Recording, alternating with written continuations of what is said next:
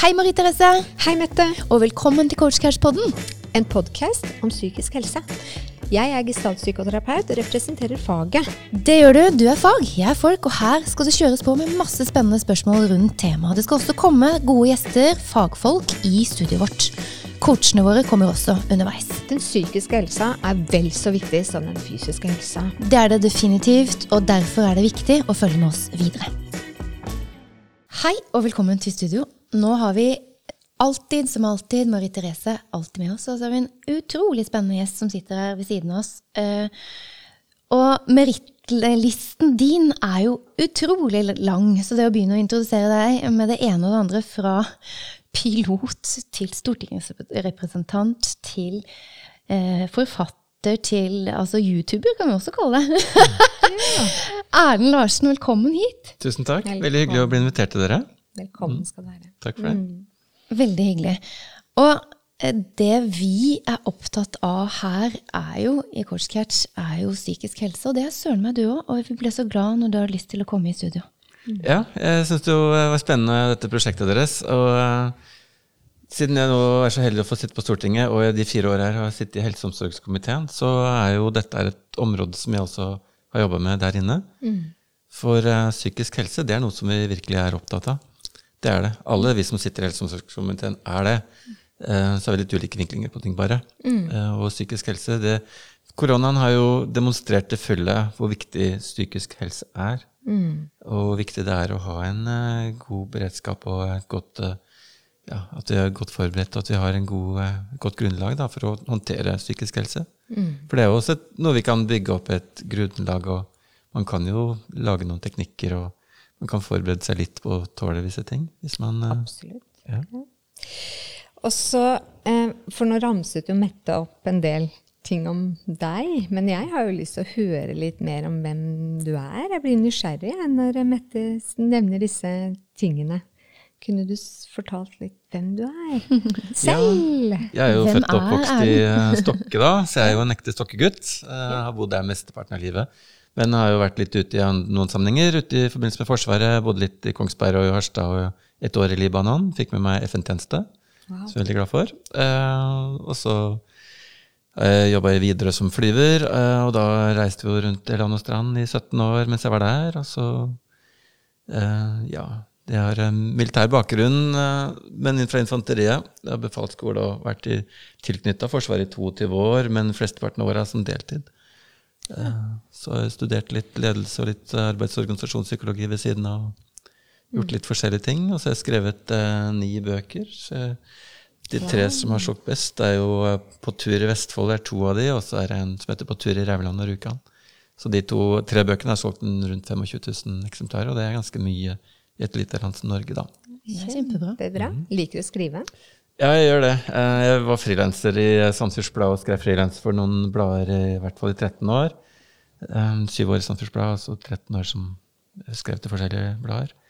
Så det, jeg har egentlig alltid vært litt sånn fascinert av skriftspråket vårt. og det Altså, jeg, jeg ser på deg, og så, og så kjenner jeg, jeg kjenner inni meg en sånn ro da, når jeg sitter sammen med deg. Eh, og ser at du, at eh, du har en sånn Du er, har en veldig sånn ro. Eh, en rolig sånn Og også alt det du har gjort, da. Vært i Forsvaret i 22 år, ikke sant? Eller tilknyttet, i hvert fall. Ja. Mm. tilknytta. Mm. har jo også krevd en del trøkk, men samtidig også det å være skjerpet. Mm. Hvis jeg skal tolke det rett, da. Ja, eh, Ni av disse årene så var jeg da områdesjef i Heimevernet, altså tilsvarende kompanisjef. Og eh, vi gjennomførte jo kompliserte operasjoner, eh, ikke minst i Heimevernssammenheng. Sånn med skarp ammunisjon, med mange mennesker involvert, med en, eh, en, selvfølgelig en viss form for risiko. Det er det jo alltid når man driver med sånt. Og ansvar for eh, opptil 180 mennesker. Så det, det, det er klart, da må man være skjerpa, og man må jo ha kontroll på det man gjør, og en faglig høy standard. Ikke minst i forhold til noen av disse tingene vi drev med, som skarpt tilfall i mørket, som er en ganske krevende disiplin. Og så i Libanon, så første perioden, så var jeg nestkommanderende for en tropp på 50 mann. eh, og fungerte som troppssjef da israelerne skjøt opp en av patruljene til nabotroppen, ikke min tropp, men nabotroppen. Okay. Uh, og det er jo et ansvar å, å ivareta de gutta som jeg da hadde uh, der nede når dette skjedde. fordi når sånt skjer, så, så blir man jo litt oppmerksom på hvor man er.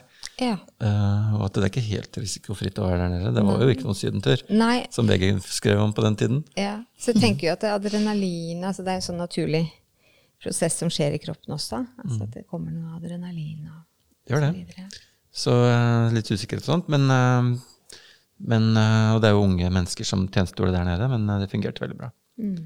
Så eh, jeg tror, stort, jeg tror alle de som jeg var ute sammen med, kom godt ut av det, stort sett. Ja, Det er klart. De som var tettest involvert i den skytesaken, de er, noen av de har nok uh, sine sider, men uh, Mm.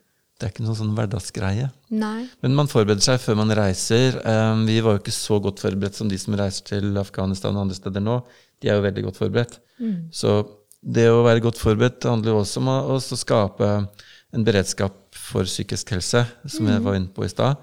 Så jo bedre man er forberedt på ting, eh, jo bedre stilt er du også i forhold til å takle eh, den stresset man kommer over. Eh, Jeg har som nevnt studert litt psykologi, og krisepsykologi var en del av det som jeg studerte. Og det som var erfaringene som var i hvert fall den gangen jeg leste disse tingene her, det var jo tre grunnleggende ting som man kan gjøre som, som styrker uh, psykisk helse, da, eller beredskap i forhold til kriser. Ja. Det er også kun førstehjelp, det å kunne brannslukking. Og så tror jeg det var én ting til. Det var, det var i hvert fall brannslukking og, og førstehjelp. Det at man kan uh, litt av det, det, uh, det er med på å gjøre at man håndterer kriser betydelig bedre. Ja. Eh, At du er på fra- saken. Mm? Ja, at du er på saken, rett Ja, og slett. så man vet jo fra Jotunbrann, fra Caledonian-brann og fra andre sånne kriser at eh, de som er involvert i krisen, skal i hvert fall dele i sånn grovt i tre. Det er en tredjepart som yter betydelig bedre innsats enn det man kan forvente, og så er det en tredjepart som yter omtrent, man, omtrent det man kan forvente, og så er det ca. en tredjepart som, eh, som ikke håndterer situasjonen. Eh, og en større del eh, av de som er i en krise, vil håndtere situasjonen bedre hvis de kan litt førstehjelp og kan litt brannslukking og litt sånne ting. Og før man reiser ut til eh, områder hvor krigssituasjoner, da, som Libanon var og Afghanistan er, og sånt, så, så trener vi opp på veldig veldig mye mer enn det Ja. eh, for å kunne håndtere ting. Og da er man også mer robust ja. når man kommer i situasjoner. da. Og så tenker jeg kanskje debrifingen i etterkant. Altså det å debrife sammen. Ja, det å Snakke om ting og sånt. Mm. Jeg vet om en som eh, opplevde et stort tap um, i Afghanistan. Eh, og vedkommende, da eh, Og det var jo litt skriverier om det i avisen. Og vedkommende som mistet um, Mistet uh, sin kjære, uh, sa det at uh, rett og slett det var vanskeligere å komme inn og få psykisk eh, behandling et, i etterkant av dette her. For hun var jo traumatisert. Um, og ja, personen syntes det var tøffere å komme inn til behandling i etterkant enn det var faktisk å komme inn til eh, Afghanistan-troppen. Det, det nåløyet var enda mindre. Og der tenkte jeg i mitt stille sinn når jeg pratet med vedkommende, at oi, oi, oi, her må det da gjøres noe. For der er jo unge mennesker som setter eh, livet sitt eh, i større risiko enn å bare være hjemme og gå på gata ikke sant? I, i fredelige Norge. Og den jobben de da gjør i perioden de er der nede, og det, det, de traumene eventuelt de kan få med seg hvis de opplever noe, og du har jo opplevd litt du òg, har jeg skjønt, det er jo en jobb som må gjøres også i etterkant av det norske samfunnet. Veldig viktig. Mm. Og beredskapen her hjemme, da, for å favne de sjelene som, som har vært av gårde og kommet hjem og kanskje er blitt ganske så brent, det er faktisk en jobb vi må gjøre. altså. Hva tenker du om det? Ja, det, eh, også på en måte overrasker det meg litt det du sier, eh, men på den annen side så, så spørs det hvor, hvilken situasjon dette mennesket var i. For um, da jeg studerte psykologi for 16 år siden, så var en av de som underviste oss, var um, en psykolog fra Forsvaret som fulgte marinejegerne. Eh, og jeg har også lest litt og hatt kontakt med folk som er fra spesialstyrkemiljøet, og, og høre hvor tett oppfølging de får. Og den oppfølginga man får i dag, er en helt annen enn hva det var før jeg reiste ut. Ja. Så det har skjedd veldig, veldig mye. Ja. Eh, Da jeg reiste ut, så begynte man jo med psykologiske intervjuer og selekteringer og sånt på en viss måte. Det var en viss form for debrifing når man kom tilbake, men i dag er det noe helt annet. Så, lov. så er det jo også sånn at eh, så, så tilbudet i dag er betydelig Det er et veldig godt tilbud i dag, altså. Eh, men så spørs det selvfølgelig hvor hun var i livet i forhold til tjenestetid og sånne ting.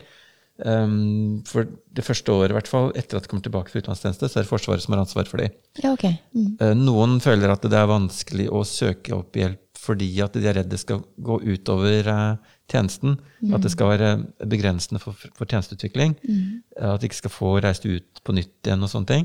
Um, så noen eh, er tilbakeholdne med å søke hjelp pga. det. Ja. Og så er det, altså Første året som sagt, så er det Forsvaret som har ansvaret for um, å ivareta den psykiske helsen, og medisinsk også. Men etter det, forutsatt at de slutter i Forsvaret og går tilbake til det sivile liv, så er det kommunene som har ansvaret.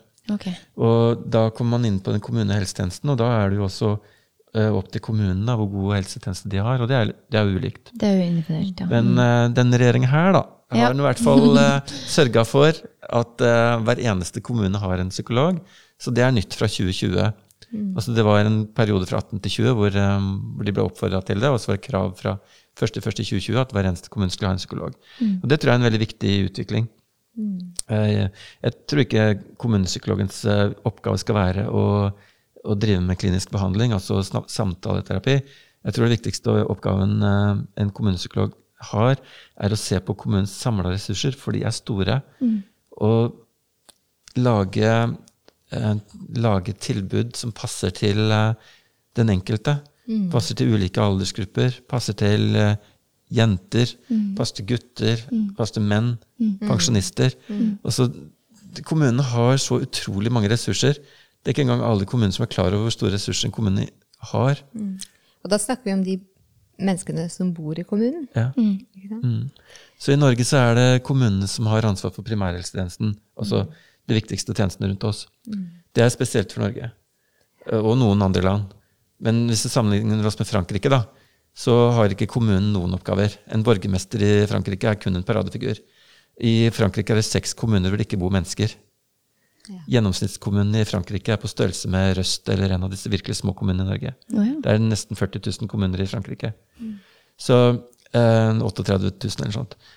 Um, så, så, hvis, så i Norge så er det altså eh, kommunene som leverer de viktigste tjenestene til oss. Og de sitter på veldig høy kompetanse. Og det er jo også noe av årsaken til at sånne som meg mener at vi må ha større kommuner. Fordi småkommuner klarer ikke å få den kompetansen som, som vi forventer at en kommune skal levere. Så nå begynte jeg kanskje å bli litt vel teknisk, men altså samhandlingsreformen og, og sånt, det, det, er, det er en reform som eh, fra 2012 det er en reform som eh, overførte mange oppgaver fra sykehusene, som er statlige, til eh, kommunene. Så sykehusene det er ikke primærhelsetjenesten, det er, eh, det er altså Sykehusene er sykehus, for å si det sånn, sekundær. Det, de er staten som drifter. Mm. men, eh, men det er også i kommunene du finner eh, F.eks. rus og psykisk eh, helsehjelp på førstelinjenivå. Og så har du selvfølgelig sykehusene har jo også, men på, på et helt annet og mye høyere kompetansenivå. da. Og så det- tenker jeg jo litt sånn også eh, Fordi at jeg hører du er, når du snakker, at du kan Altså du er veldig engasjert Ja. når du snakker om det når det kommer til psykisk helse. Eh, og så tenker jeg at det, det er et mangfold av mennesker som kan tilby hjelp, da. Eh, hva tenker du er viktig sånn, altså, hva, engasjerer deg mest sånn i forhold til psykisk helse? Siden du sa akkurat det med mangfold og dette her sånn, så, så egentlig så er jo også førstelinja på psykisk helse, det er jo det nærmeste venner eller familie. Også, det er jo ikke en psykolog eller en annen terapeut. Det er jo det at man kan møte kona si, mannen sin, barna sine, foreldrene sine, nærmeste vennene, og prate om ting som, eh, som en sliter litt med. Det er jo det viktigste i starten. I hvert fall på et tidlig nivå, for de ja, kan si hverdagsutfordringene man har. Hvis man mister eh, et familiemedlem eller sånt, så, så, er um, så, så vil for de fleste av oss så vil vi få en viktig hjelp der. Og så er det jo mange linjer bakover hvor eh, gestaltterapeuter og psykologer og psykiatere og, og sånt eh, er etter hvert. da. Så bra. Førstelinja er rett og slett nære og kjære. Um, uh, og det, da, det du oppfordrer til, er rett og slett, rett og slett åpenhet om følelsesregisteret og følelseslivet. Uh, når det virkelig butter, snakk om det. Og for en litt mer åpenhet på utsiden av førstelinja også er jo en greie. Ikke bare internt familien, men for de som ikke kanskje har så stor familie eller vennekrets, så må man jo også ty til kanskje det du kaller andre linje, da. Det er jo ikke størrelsen på familien, eh, vennekretsen det kommer an på, det er kvaliteten. Ja, det er sant. Så eh, når man skal finne partners, f.eks., for eksempel, så er det viktig at man finner en som man føler at man kan eh, er koblet litt på. er koblet litt på. Koblet litt på, det er til viktig. eh, sånne ting også. Ja. Så det, det Ja. Det, Og det er jo, det det er jo en økning. Altså det er jo flere og flere unge som sliter. Og det er jo en økning i forhold til stress, tenker jeg. Stressrelaterte. Og altså sånn det å være overarbeidet. ikke sant? Og jobbe og jobbe og jobbe. Jobbe. Og til slutt så bare men vi jobber jo eh, mindre enn vi noen gang har gjort. Ja, men det er faktisk en, en eh, norsk arbeidsorgan har gjort en undersøkelse på at det er 71% og det var da innenfor omsorgsyrker. Altså da lærere, psyko, altså sykepleiere, eh, de som jobber i relasjonelt, da, Mm. Melder ifra om at de er eh, stressa og overarbeida. Og det som ble tydelig, var jo det at, eh, altså at det er mangel på, på folk, og at eh, man skal det, det skal gå fort. At det er et produ produksjonssamfunn, og at vi skal prestere, da. Så det var, var sånn Men det er nok også antageligvis en antakeligvis fra min ståsted, eh, også at det er en større åpenhet i dag enn det var før. Ja. Folk var nok sikkert stressa før også, og arbeidsdagene var betydelig hardere før, eh, fysisk og kravmessig, og, og eh, med mye høyere risiko. Eh, og en, en arbeidsplass med mye høyere risiko hadde nok sikkert også en del mer psykiske utfordringer, men da var det ikke aksept for å snakke om det. Nei, det Da var det noe, nå må du skjerpe deg, gutt. Ja. Ikke sant? På hvalfangst, tenk deg på hvalfangst, dra ut på hvalfangst som 15-åring. Ja. Det var ikke noen enkel sak. Nei, det var ikke Men nå må du enkelt. skjerpe deg, gutt. Ja, og Ja, gutter. Ta deg sammen. gråter ikke, Ta ikke sammen. sant? Gutter gråter ikke. Det gjør man ikke. Det gjør man ikke. Nei. Så da jo heldigvis for det har vi hatt en utvikling som, med en større grad av åpenhet, som også gjør at uh, eh, vi får kanskje litt riktigere tall nå enn det man hadde før. Kanskje de tallene var der før, men Det er mer åpenhet. fortrengt. Og det, det er lettere da å faktisk dele om det. Det er mer aksept for å dele. Og da blir det også enklere å sette i gang tiltak som er mer målretta også, for vi vet mer om hva som berører mennesker. Eh, og da er det også lettere å sette i gang tiltak. Altså, noen bedrifter og organisasjoner har et veldig høyt sykefravær. Uh, og har man noe særlig mer enn 2-3% så vil jeg påstå at det da er det ikke et naturlig sykefravær. Da kan det være et arbeidsmiljørelatert sykefravær. Da kan det hende at det f.eks. det er dårlig ledelse. Ja. Eller at det er enkeltpersoner i organisasjonen som eh, påvirker andre mennesker negativt, uansett om det er lederen eller ikke. Eh, Men uansett så bør en leder detektere hva det er som er årsaken til et unormalt høyt sykefravær, Ja. og gå inn og så finne årsaken, og finne tiltak som får det ned. Om Og det er, er det stress, er det at man kanskje ikke er faglig føler at man er faglig kvalifisert heller. For det også er jo en bit. Hvis du får oppgaver du føler at ikke du er kvalifisert til, så, så vil man jo naturligvis få et stress ut ifra det. Ja. Eller så kan jo arbeidstakere også ta med seg ting på jobben som de har opplevd hjemme. Altså, og det er en, jeg pleier alltid å si, og det har jeg sagt på podkast før, at hodet sitter litt på en tripod, tenk deg kamera på toppen, og en tre, eh, tre eh, bein ned som skal justere kameraet i riktig høyde og med riktig eh, vinkel og klart og fint og tydelig. Og, og disse beina, det er jo selve livet. Jobb, helse, familie. Og hvis en av de kneler, så er det veldig lett at de to andre i tripoden også kneler. sant? Du tar det gjerne med deg. Og det er jo der arbeidsgivere må mane til åpenhet. Du skal ikke dele av familiekrangelen på jobb, det er ikke det jeg sier. Men, men åpenhet at livet, ja, det kan butte. Og spesielt nå i mm, post-koronatid, som vi håper vi er straks inne i, og kan si at åh, oh, dette her eh, koronaen har vi lagt bak oss, så er det kanskje toppen av isberget at ting kommer opp i dagen. Med nettopp sånne ting som det der. Har vært tøft hjemme, masse hjemmekontor. Eh, folk har gått hverandre litt på nervene, kanskje. Har Ikke ikke fått lov til å være sammen som mennesker. Vi er jo relasjonelle. Vi Ja. menneskelig kontakt. Den der sosiale delen har vært borte, og nå skal vi igjen da ut i verden og sosialisere. Åpenhet nå er vel kanskje mer viktig enn før, tenker jeg. I forhold til nyere tid, da. Ikke sant? Ja. Hvalfangstunga, ikke sant? krigsunga, altså alt dette her, det, har jo, det, det er jo historie, egentlig. Så nå tenker vi framover. Så nå, det er jo en kjensgjerning at 50% av Norges befolkning en eller annen gang i løpet av livet kjenner på psykisk helseutfordringer. Og det kommer gjerne i vår alder, vet du. Det kommer i vår alder. Og, og fem, men altså, så må vi tenke da, 50 er nye 40, vet du. ikke sant? Hoppa vi over et. Ja, ja, ja, ikke sant? Så, så, men greia er jo at eh, vi lever lenger òg. Ja. Eh, og hvorfor gjør vi det? Det er jo mange årsaker til det. Men, men um, det kommer i vår alder, og det er jo selvfølgelig fordi at eh, nå har vi begynt å erfare litt. Men du har jo en datter, vet jeg. Eh, og hun er jo midt eh, i, i ferd med å bli voksen. Ung voksen. Det er mange ting sikkert som far sikkert du skulle skånet henne for, som du kunne sagt med pekefingeren litt sånn Hør på dette. Gjør det og gjør det, og så kanskje hun ikke gjør det. Liksom. ja.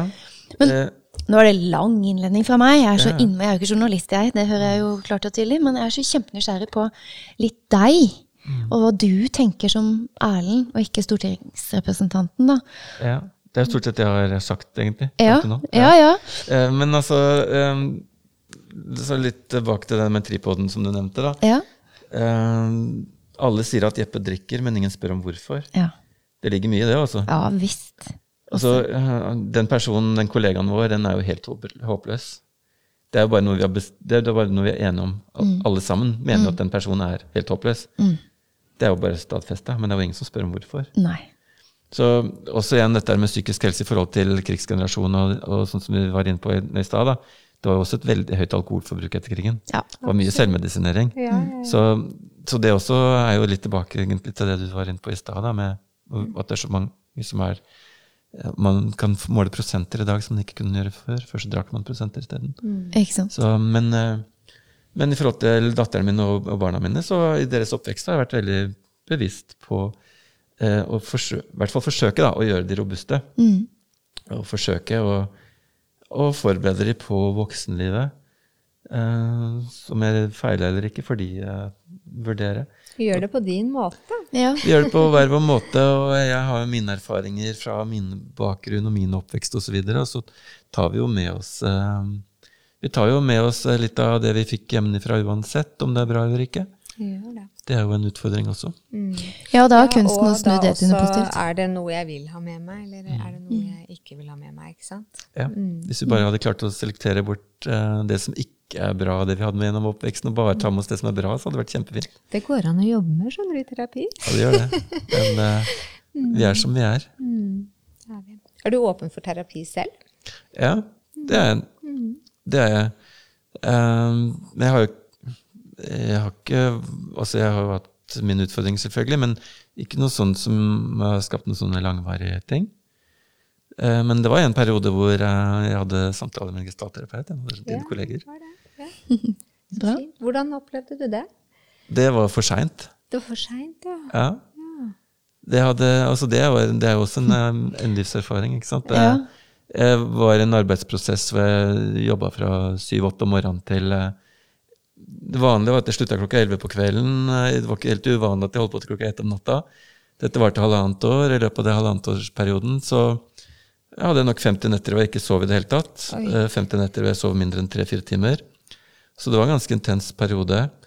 Så jeg skjønte jo eh, forholdsvis tidlig at eh, jeg måtte ha noen eh, å ventilere med. Eh, Men eh, da var jeg ordfører, og så var jo en Da er man en kjent person, ikke sant? I et lite miljø. Så det, da måtte jeg jo begynte, jeg begynte å tenke på hvem er det jeg skal snakke med. Det må være en person som er nært nok til å forstå hva jeg driver med, forstå hva jeg står i, samtidig som jeg er fjern nok til uh, Altså man må ha både avstand og, og, og nærhet. Det skal ikke være så altfor kjent. Nei. Nei. Og, og det tok for lang tid før jeg da spurte denne personen som jeg spurte deg om å ta samtaler, til at jeg hadde overskuddet som var nødvendig til å ta inn over meg den samtalen også. Så da hadde vi en serie med samtaler um, for um, um, Fordi Ja. Det, det var sånn for å få Jeg er ikke helt sikker på hva det var, egentlig, men jeg hadde i hvert fall en del Ja. samtaler. Var, det var slitsomt. Uh, det var jo mye press og sånt. Så, mm, så Og hun gjorde absolutt en uh, veldig god jobb. Men man må også ha det overskuddet, da. For når du kjører kroppen veldig hardt over en lang periode, mm. uh, du tar ut veldig mye av batteriene. Gjør det. Ikke sant? Så du skal ha litt grann, eh, for, å, for å få hente inn og, og ta inn eh, kvaliteten i samtalene. Da. Ja. Og det var litt sånn jeg sa i Det med søvn er viktig, da. Vi Ja. hadde apropos om søvn i vår En tidligere- catch-up-episode tidligere uh, har jo vært nettopp om søvn. Det der å lade batteriene, da. Vi legger jo gud bedre med alt til lading, til og med bil nå. De fleste begynner jo å tenke litt elbil, ikke sant. Eh, og um, alt skal jo lades. Men da må jo vi, både kropp og topp, også lade. Ja. Og du kjørte da egentlig kroppen din og løp som en uh, oi-oi, så maraton på, på ja, eh, Ja. i høy fart. Og så å ikke fornuften egentlig eh, med da, på toppen. Ja. Så langt, Helt. eh, lang perioder da, med såpass uh, høyt arbeidspress og lavt søvnnivå gjorde jo at det ga, det ga jo fysiske eh, effekt, virkninger. Ja. Eh, gikk utover konsentrasjonsevnen, Mm. gikk utover minnet. ja. Så Hvordan var det du roet ned og klarte å komme deg ut av det? Det- i perioder så tok jeg pauser og, og um, dra til fjells eller dro til Polen. Altså tok noen sånne pauser. Men samtidig, når du jobber så intenst, så får ikke hjernen pause. Den gjør ikke det. Den jobber videre med det. den trenger jo, Det er den eneste tiden på døgnet får en sånn real At den rett og slett blir renset. Det er jo Ja. når vi sover. Fysisk Hjernevask. aktivitet er veldig viktig. Um, da jeg hadde det mest utfordrende i forhold til læring, altså studiemessig, så trente jeg veldig mye. Og det var veldig merkbart at eh, det å trene mye, det ga også en mental, et mentalt overskudd til eh, å ta inn veldig mye læring da, på, på kort tid. Og lære masse rare ting som vi måtte lære på den skolen jeg gikk den gangen. Ja. Eh, Så, så det er veldig viktig at man er fysisk aktiv. Og det som er en skummel greie når man jobber mye, er at man ofrer eh, fysisk aktivitet. Mm. Altså, man trenger så mye tid for å klare å løse alle oppgavene. Mm. Og så bruker du opp den tida som du ellers skulle ha brukt på å ta vare på deg sjøl. Ja, Og det, er en, eh, sånn, det gir en veldig bumerangeffekt. for, mm. um, fordi at du mister egentlig overskuddet du trenger, altså batterien og det hele. Ja, og da tenker jeg sånn på balanse, ja, da, ikke sant? Mm. Balanse mellom aktivitet, altså fysisk aktivitet. Mm. Jeg kjemper for det også. Men altså ja, søvn også. Ikke sant? Den balansen. Mm, fysisk aktivitet og god matkvalitet og eh, godt forhold til familie og venner og sånt, det, det er jo med på å bygge opp den psykiske beredskapen. da. For vi vet jo det motsatsen. Vi vet jo det at f.eks. ensomhet det går utover ikke bare psykisk helse, det går også utover en del ikke-smittsomme sykdommer, som eh, hjerte-karsykdommer, og det kan være negativt i forhold til noen kreftformer og i forhold til noen andre Absolutt. sykdommer. Og eh, gjør at eh, vi eh, er mer sårbare for smittsomme sykdommer også, Mm. faktisk. Ja.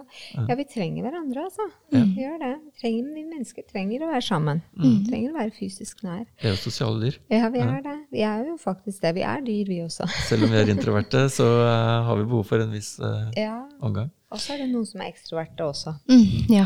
uh, ja, skulle du si noe? ja, jeg tenker, ja, jeg tenker på det du sier da, i forhold til altså, toppidrettsøvere. Altså alle de vi heier på med norske flagget på brystet, og vi vaier med flagget i vind når de har vunnet. De er jo uhyre mm, eh, nøye på nettopp dette med søvn, da. ikke sant? For å restituere ikke bare kroppen, men absolutt toppen for å være den, den ekstra eh, pådriveren for kroppen når, du skal, når de skal prestere ordentlig ikke sant? i konkurranse. Vi heier jo på de.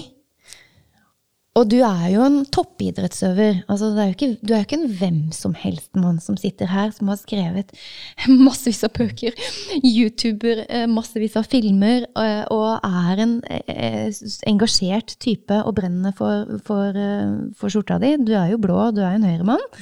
Det er ikke hvem som helst som havner på Stortinget. Det vet vi. Du er jo en ressurs. Og da vet du like godt som oss som sitter her, og folk som hører på, at du må jo sove for å flytte meg. Du, er nødt til, det. du må ta vare på deg selv. Har du lært nå, tror du? Sover, har du noen gode rutiner nå på dette? Jeg har ikke til hensikt å jobbe like mye som vi gjorde den gangen, eh, den perioden jeg snakka om. i hvert fall. Men, Nei, eh, så nå slutter jeg klokka ni på kvelden, men jeg prøver å slutte åtte da. Men eh, ja, så, så ja, ja, absolutt. Jeg er jo veldig bevisst på det. Og jeg visste jo også det da jeg holdt på den perioden der det er jo en del av min militære opplæring dette med at man skal sørge for at man tar vare på seg sjøl. Hvis ikke du klarer det, så klarer du ikke å ta vare på andre heller. Mm. Um, men så er det jo en det at uh, du får masse deadlines, det er mange oppgaver som skal løses osv. Og, og så har man ikke de ressursene tilgjengelig, da, litt innenfor det du snakka om i stad. Mm. Når man ikke har de ressursene man kan spille på, må rett og slett gjøre ting selv. Mm. Du kan selvfølgelig si at man kan delegere, men altså det er jo grenser for mye man kan delegere til folk som ikke jobber med dette på heltid også. Så mm. det er um, Eh, det er viktig å ta vare på seg selv eh, når man driver med utfordrende ting. Og, er, eh, og hverdagen er utfordrende. Det er en som gikk til Nordpolen, som sa, det Hagevel, som sa at alle kan gå til Nordpolen, men hva som er Nordpolen, det må vi definere selv. Mm. Fra vårt eget ståsted. Ja. det er ikke dermed sagt at vi alle skal til den fysiske Nordpolen, men for noen så er det å komme seg over terskelen, komme seg ut hvis ja. man har fylt med angst osv. Ja, få på seg en strømpe eller ja, altså Det å gå på butikken er for enkelte mm. Nordpolen. Ikke sant? De som sliter med angst. Ja. Mm. Hva tenker du kan eh, rustes bedre innenfor psykisk helse? Altså sånn det er mange områder som kan rustes bedre, eh, og det jobber vi med på alle mulige måter. Mm. Men jeg tror nok det at uh, det er viktig nå Nå fra i år av så ble det innført et nytt fag på skolen som heter melissemestring. Veldig viktig. Ja, at elevene ungdom da, mm. får større kunnskap om hva faktisk livet er. Mm. Og det syns jeg er så viktig at du sier. altså Det der med å få psykisk helse og kunnskap om det helt ned i mm. på barnehage- og barneskolenivå. da. Mm. Det er jo der det starter. Det er vanlig. altså det, det er eh, normalt for oss å gråte. Er, vi er skapt for å gråte. Det er en Absolutt. ventil. Ja, ja, Eh, men vi som menn eh, er jo ikke noe gode på det av en eller annen årsak. Ja. Det er jo da nedarvet. Men i hvert fall Men jeg har møtt mange flinke menn. Mange flinke ja. gråtende menn òg. Det er klart, de som terapeuten vet jo det. eller klarer å få den bryteren som skal til for å få åpna den ventilen. Ikke sant? Mm. Um, og så er, så er, det jo det å forstå at som du sa, Estamette, at det, det, er mer vanlig enn uvanlig at man får en psykisk utfordring i livet. Mm. Um, det at man forstår at det faktisk er normalt. At man forstår at uh, kjærlighetssorg, det er normalt. Det er, noe som, det er noe som går over. Det er noe som man kan jobbe med. Mm. Det er ikke, står, livet står ikke og faller med et kjærlighetsbrudd. Man kommer videre. Det er faktisk Og det er en prest som fortalte meg en gang, han visste ikke om min bakgrunn, men han, jeg bare traff han tilfeldig. Vi, vi, ble bare pratende om sånne ting som vi snakker om nå, egentlig. Ja. Og og han sa at når han møter eh, mennesker som har mista noen av sine kjære, bror, søster, mor, far, så er det, mente han, eh, og jeg er da langt på vei enig med han, fordi jeg har fått såpass lang tidshorisont på når jeg mista faren min, at det kommer noe godt ut av alt. Men det er bare vanskelig å se det når du står midt oppi det. Nå står vi midt oppi en koronapandemi som rammer veldig mange mennesker. Det er 200 000 mennesker som er arbeidsledige. Det er bedrifter som holder på å gå konkurs, eller går konkurs, som sliter virkelig for å få det til å gå rundt. Og, det, og, så sitter jeg her, her, nå og sier at det kommer noe godt ut av alt. Ja, det er ganske sant? motstridende. Ja. Men vi hadde en oljekrise for eh, fem-seks år siden. seks år siden. Mm. 45 000 arbeidsledige i oljebransjen. Men av den oljekrisa så var det også en del mennesker som hadde jobba i oljebransjen, som pga. at de ble arbeidsledige, etablerte egne firmaer, Starta med noe nytt, videreførte kompetansen deres fra oljebransjen mm. inn i noe videre. Jeg mista faren min da jeg var 12 år gammel. Yeah. Det er 43 år siden. Mm. Um, og det gjorde meg veldig bevisst på um, hvordan jeg skulle forholde meg til mine barn. Ja. Hva ble du bevisst på da? At jeg skulle være mer til stede. Faren min var sånn som jobba fra syv om morgenen til syv om kvelden. Oi, Da høres det litt sånn ut som meg sjøl her. Men uh... Oi, du vet at jeg har tatt opp veldig mye også på video her nå, vet du. Ja, ja. sånn som vi pleier å gjøre. Nei, men altså det er, ja, ikke sant? så, så eh, han uh, jobba veldig mye. Nå eh, det høres det ut som jeg har truffet meg sjøl i døra her. Men, ja.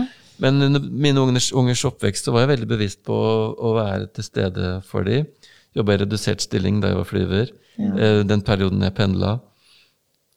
Eh, da jeg var ordfører og hadde disse ekstreme arbeidsdagene, så spiste jeg stort sett alltid middag med dem.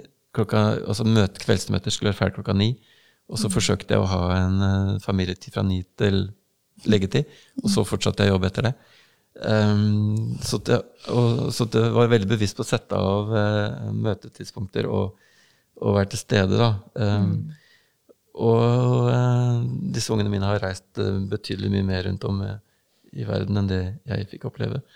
Så det var eh, Jeg ville nok hatt en militær karriere som hadde medført en del reising, som det er en militær karriere, dersom ikke faren min hadde dødd eh, da jeg var tolv år gammel. Fordi jeg ble veldig bevisst på at jeg skulle være til stede da for Ja. ungene. Som jeg håper Og på den vært. tiden der, når du var tolv år, så var det ikke, da var det ikke noe, så mye psykisk helse på Nei. skolen sånn som det er nå. Det var det ikke. Nei. Um, det var absolutt ikke Og det å være tolv gammel og miste faren sin er jo ganske tøft. Veldig. Men det tror nok ikke nødvendigvis jeg hadde trengt å snakke med noen psykolog for det. Men ting hadde nok kanskje vært mye lettere og enklere hvis man hadde hatt noen samtaler Ja.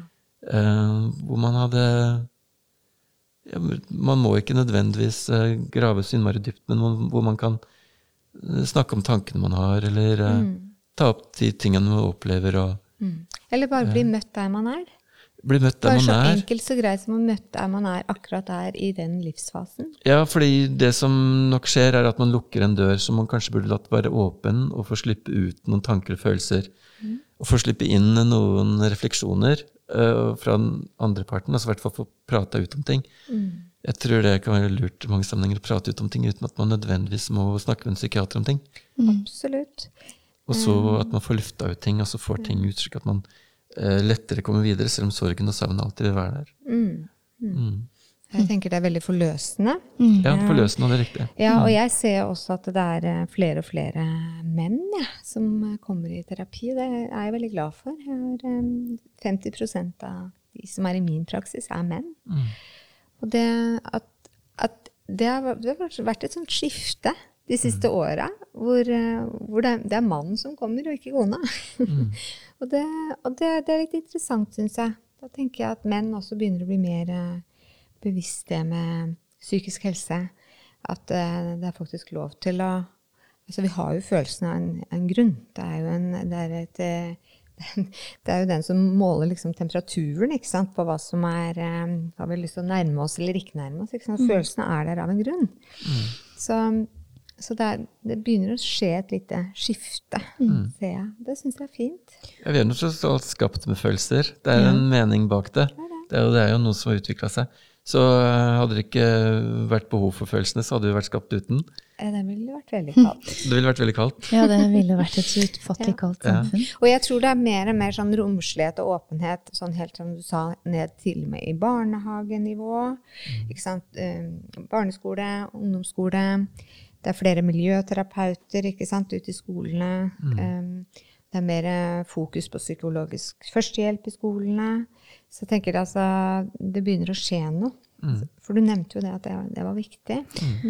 Jeg ønsker meg en psykisk helseminister jeg, på Stortinget. Istedenfor bare folkehelseministeren, så ønsker jeg meg Ja. litt definisjon også på det. For å understreke viktigheten av det.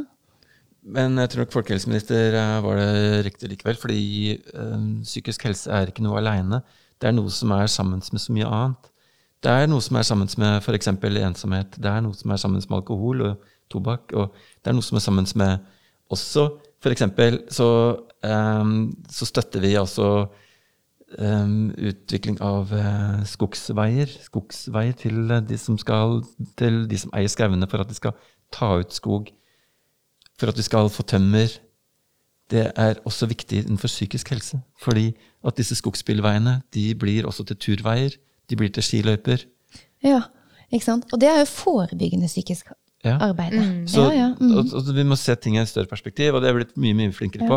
Når, vi lager en, når en kommune lager en reguleringsplan, så i hvert fall større kommuner da, som har en bredere kompetanse, så ser de også på møteplasser. Hvordan er det vi skal legge inn møteplasser? Hvor er det skal være naturlig for mennesker å møtes?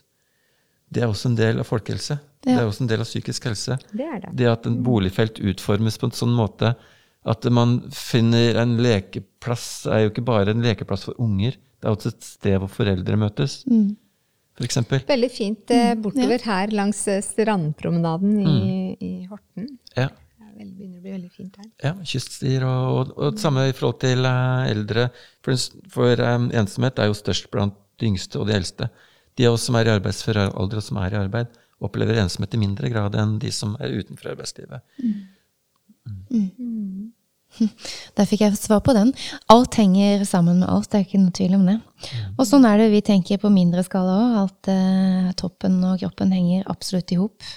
Eh, er det ikke et godt smurt maskineri på toppen, så kanskje det blir litt stiv i nakken, for å si det sånn. Så vi må ha en eh, Det er jo årsakssammenheng på alt. Det er det, og du, er- du er jo ekstremt flink da, til, å- til å svare på ting. Du er jo en politiker. Det er, det er politiker. Jeg klarer ikke å ikke sant, som negativt. Nei, det er, nei, men det er ekstremt flink til å, å få folk til å se da, helheten, og det er jo det, det, er det også som skal til. Selvfølgelig. Eh, forståelse av at, eh, at vi er komplekse. Åpenheten om det, det syns jeg du har vært utrolig flink til å snakke om også. Nå har jeg den kjipe øh, jobben, ja. Med å ta litt tiden, da. Ikke sant? Det skal ikke være for altfor lenge. Da blir det for kjedelig med disse podkastene våre. Og du er en så interessant mann. Jeg tror ikke det hadde blitt kjedelig hvis jeg hadde fortsatt lenge med deg, også. Men, men eh, en liten sånn eh, teaser til ettertanke, det er det vi ønsker. Og at Coach Catch skal det være et sted som du kan sjekke litt ut for å kanskje finne en samtalepartner for forebyggende psykisk helse. Noe som du også fremmer og fronter og Ja. prater bra om. Dere gjør en viktig jobb. Dere har en veldig viktig oppgave. Eh, alle som jobber med, med dette området, er jo viktige. og det er, det er også ikke sånn at eh, statens, etter mitt syn, min, eh, sånn som jeg tenker, så er det ikke slik at alt staten tilbyr, er det beste for alle. For vi mennesker er ulike, eh, og staten har en tendens til, og det er sånn som staten også skal være, å eh, lage litt sånn enkle strukturer eller systemer eller rutiner. Men det er ikke alle oss mennesker som passer gjennom eh, pølsemaskinen, for å si det sånn. Nei. Eh, noen mennesker eh, må ha litt andre typer, og, og vi mennesker eh, har lettere for å snakke med noen enn andre osv. Og, så og det er ulike teknikker. Du som er gestaltterapeut har en helt annen teknikk enn en psykolog har. Eh, og derfor så tror jeg jo på mangfold. Og derfor så tror jeg også at det er veldig viktig at vi har eh, fritt behandlingsvalg, som er en av våre kjepphester. At vi ikke bare skal ha et offentlig helsevesen, men vi må også ha private tilbydere. Det er med på å skape et mangfold, en, en artsrikdom, da, som treffer flere. Og spesielt innenfor psykisk helse og rus så vet vi at et mangfold er utrolig viktig, eh, som dere da er med på å, å tilby. Um, for eh, ja, hvis alt skal tvinges over på den modellen som staten er, som er veldig bra for veldig mange mennesker, så er det veldig bra for veldig mange mennesker. Men for alle de andre som ikke er veldig mange mennesker, så mister de et tilbud. Og det kan bli lange ventekøer, for det er det. Det finnes det. Det er eh, på DPS, altså jeg vet de har trøkk, jeg har kollegaer som jobber der. Ja. Og det er liksom inn og fortest mulig ut. Og vi har fått ned eh, ventelistene fordi vi bruker, og er villige til å bruke penger på private leverandører. Ja. Det viktige for uh, en person som trenger hjelp, er ikke hvem som gir hjelp, men at det er staten som betaler for hjelpa som blir gitt. Okay. Privatisering av helsevesenet er først når du som enkeltindivid er nødt til å gå ut og kjøpe ting som ikke du får fra det fellesskapet. Ikke at fellesskapet kjøper en privat leverandør til å gi tjenester til deg. Er Kan jeg bare spørre deg et lite spørsmål? Da tenker jeg du er momsen. Du er tenkt på her. Der kommer Ja, selvfølgelig må jeg spørre om det. Ja. Hva tenker du om det? Jeg syns det er en eh, Jeg er ikke av de som er mest glad for den momsinfusjonen, eller innføringa, eh, på alternative helsetilbud. Den er riktig innenfor enkelte helsetilbud, men ikke innenfor alle helsetilbud. Så vi har hatt mange diskusjoner internt på, på den der. uh, hvor jeg nok har vært en av deres eh, talsmenn. Det vil jeg si selv om jeg kom hit, og kanskje litt derfor jeg kom hit også. Ja. Um, for så lenge du har en Jeg er glad for eh, å høre. Ja, jeg mener at man burde stilt krav om bachelorutdanning, også at man har, stiller faglige krav. Og det gjør man også til viss grad i forhold til autorisasjon. Eh, fordi vi nå autoriserer jo noen nye grupper etter hvert, som da slipper å ha det momskravet som da gestaltterapeutene får, da, fikk.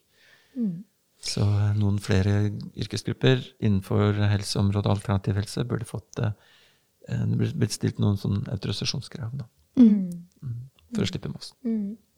For poenget er jo nettopp å hjelpe, ikke sant? Eh, og hvis noen kan bli friskere og få et bedre liv ut av eh, å ha en samtalepartner, ikke med den lengste utdannelsen, men er, og da, har vi, da snakker vi også kjemi, for det, det er kjempeviktig.